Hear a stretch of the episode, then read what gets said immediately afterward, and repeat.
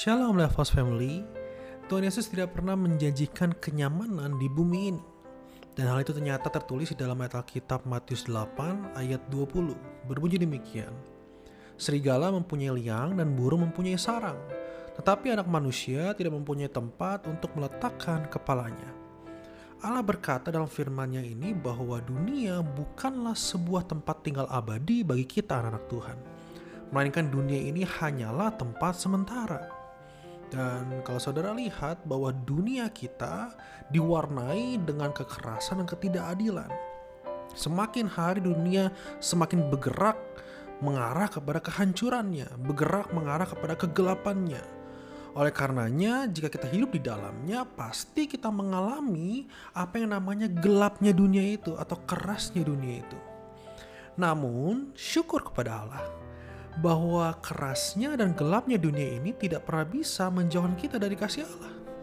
Mengapa tidak bisa menjauhkan kita dari kasih Allah? Sebab Allah turut bekerja dalam segala sesuatu mendatangkan kebaikan. Roma 8 ayat 28. Dan apa yang disebut dengan kebaikan? Karakter yang mendewasakan. Jadi dalam hidup ini pasti kita akan bersentuhan dengan hal-hal yang tidak terduga hal-hal di luar ekspektasi hidup kita. Apakah mungkin kita pernah ditinggal suami, ditinggal istri, kehilangan anak, bangkrut, atau dalam tanda kutip ketidakadilan lain yang mungkin sangat melukai hidup kita, sangat membuat kita berbeban hati menjalani hidup ini. Tapi percayalah bahwa hal-hal tersebut mendewasakan hidup kita. Sebab jika kita anaknya, ingat segala sesuatu mendatangkan kebaikan. Oleh karenanya, jika ketidakadilan itu dapat mendewasakan iman kita, maka yang perlu dicari saat mengalami penderitaan adalah mencari perspektif Allah.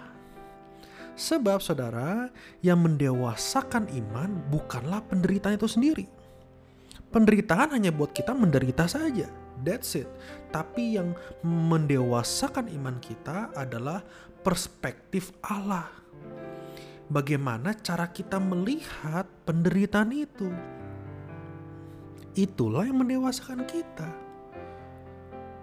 Kenapa ada orang yang sudah diterpa berbagai masalah dan pelajaran hidup, kok rasanya tidak kunjung dewasa? Ya karena ia tidak mempunyai perspektif Allah di dalamnya. Jadi penderitaan atau apa pun kesuksesan pun tidak pernah membuat kita dewasa, melainkan perspektif Allah lah yang membuat kita dewasa. Perspektif Allah itu artinya bagaimana cara Allah melihat sebuah masalah. Itulah perspektif Allah. Bagaimana Allah melihat e, cara hidup. Nah, itulah perspektif Allah.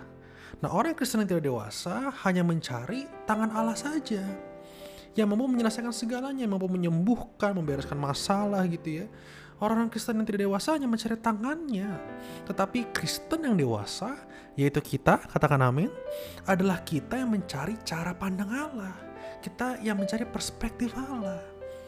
Efesus 5 ayat 17 berkata demikian. Sebab itu, janganlah kamu bodoh, tetapi usahakanlah supaya kamu mengerti kehendak Tuhan.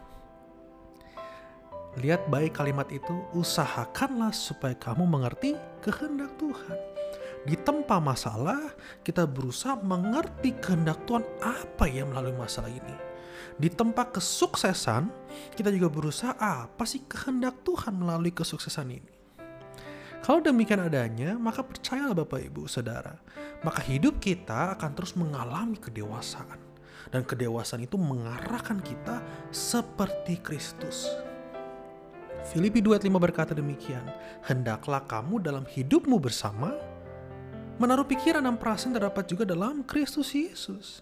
Nah, perspektif Allah yang kita dapatkan, yang kita cari, yang kita kenal akan membuat kita berpikir seperti Kristus, merasa seperti Kristus. Jadi saudara yang terkasih, carilah perspektif Allah dalam segala hal yang kita lalui.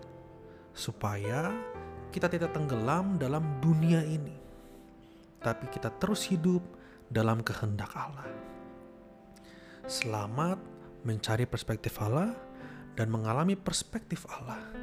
Selamat untuk terus berjalan menyerupai Kristus. Tuhan Yesus memberkati.